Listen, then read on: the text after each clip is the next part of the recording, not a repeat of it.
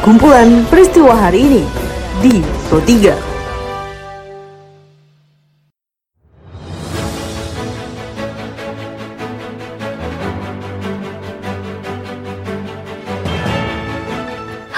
pendengar, saat ini Anda sedang mendengarkan kumpulan peristiwa Pro 3. Pada podcast ini saya akan mengulas terkait isu-isu aktual yang saat ini masih hangat juga ramai diperbincangkan di sekitar kita.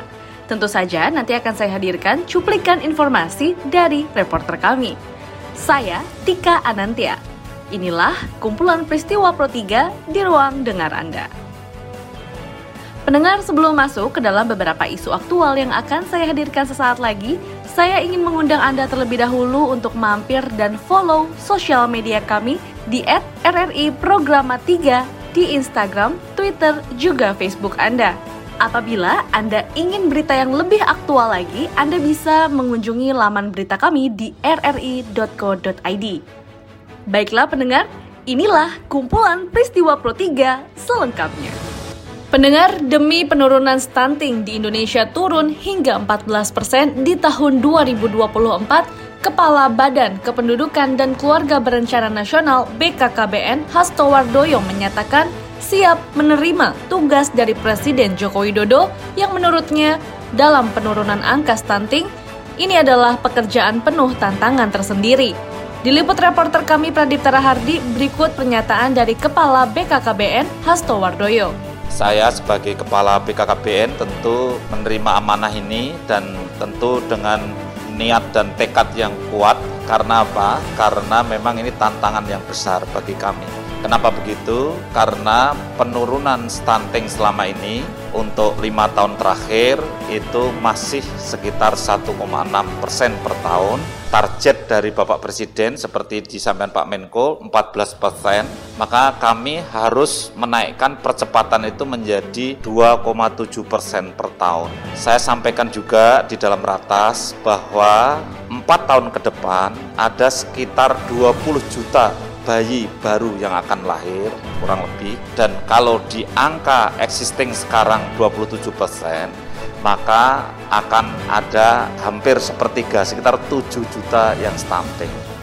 Dominasi oligarki atas izin penggunaan hutan di Kalimantan dianggap menjadi akar masalah dari bencana banjir yang terjadi di Kalimantan Selatan. Diliput reporter kami Niar Abdul, berikut penjelasan dari Direktur Eksekutif Wahana Lingkungan Hidup Walhi, Kalimantan Selatan, Kisworo Dwi Cahyono. Kita lihat di, di hulu tadi saya bilang, yang merah tadi izin tambang, ya kan, kemudian yang hijau ini izin sawit. Kenapa saya sampaikan? Berarti di hulu ini akhirnya tutupan lahan kita, hutan kita juga rusak gitu kan.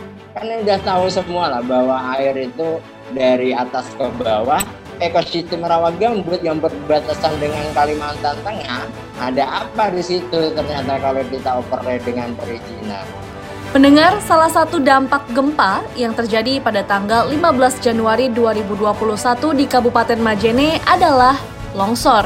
Akibat longsor tersebut, ada tiga orang yang ada di Kecamatan Malunda, Kabupaten Majene, Sulawesi Barat, hingga kini belum ditemukan. Kepala Basarnas Kabupaten Mamuju, Saidar, ini mengatakan bahwa adanya ketiga korban yang hilang tersebut telah dihentikan pencariannya.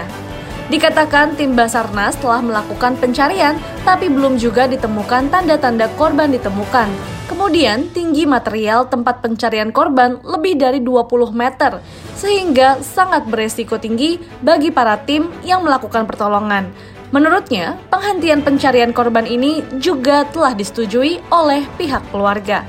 Kan itu sudah pencarian sudah dilaksanakan namun dengan kinen juga namun tidak ada tanda-tanda korban ditemukan.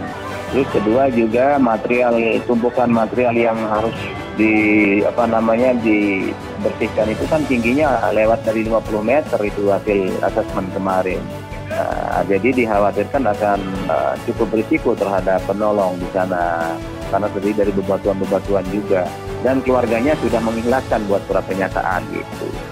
Kita beralih ke informasi lainnya, pendengar Komisi Pemberantasan Korupsi KPK akan menyelidiki dugaan keterlibatan Madam Bansos dalam kasus dugaan korupsi bantuan sosial Bansos yang menyeret mantan Menteri Sosial Juliari P. Batubara.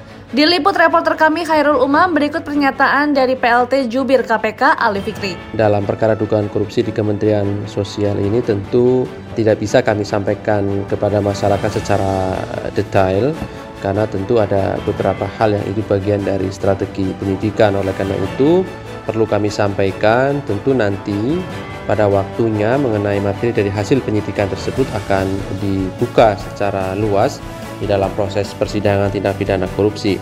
Namun demikian pada prinsipnya tentu segala informasi yang berkembang eh, di masyarakat baik itu dari eh, media yang eh, kami tahu, kami ikuti eh, akan dikonfirmasi kepada para saksi yang eh, KPK panggil dan akan diperiksa dalam perkara ini informasi tadi sekaligus mengakhiri perjumpaan kita pada podcast edisi hari ini. Anda masih bisa tentunya mendengarkan podcast edisi hari ini di Spotify dengan hanya mengetik Pro3 RRI di kolom pencarian Anda.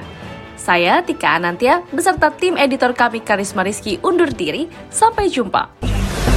Jalanan ibu kota DKI Jakarta masih Kumpulan peristiwa hari ini di Pro3.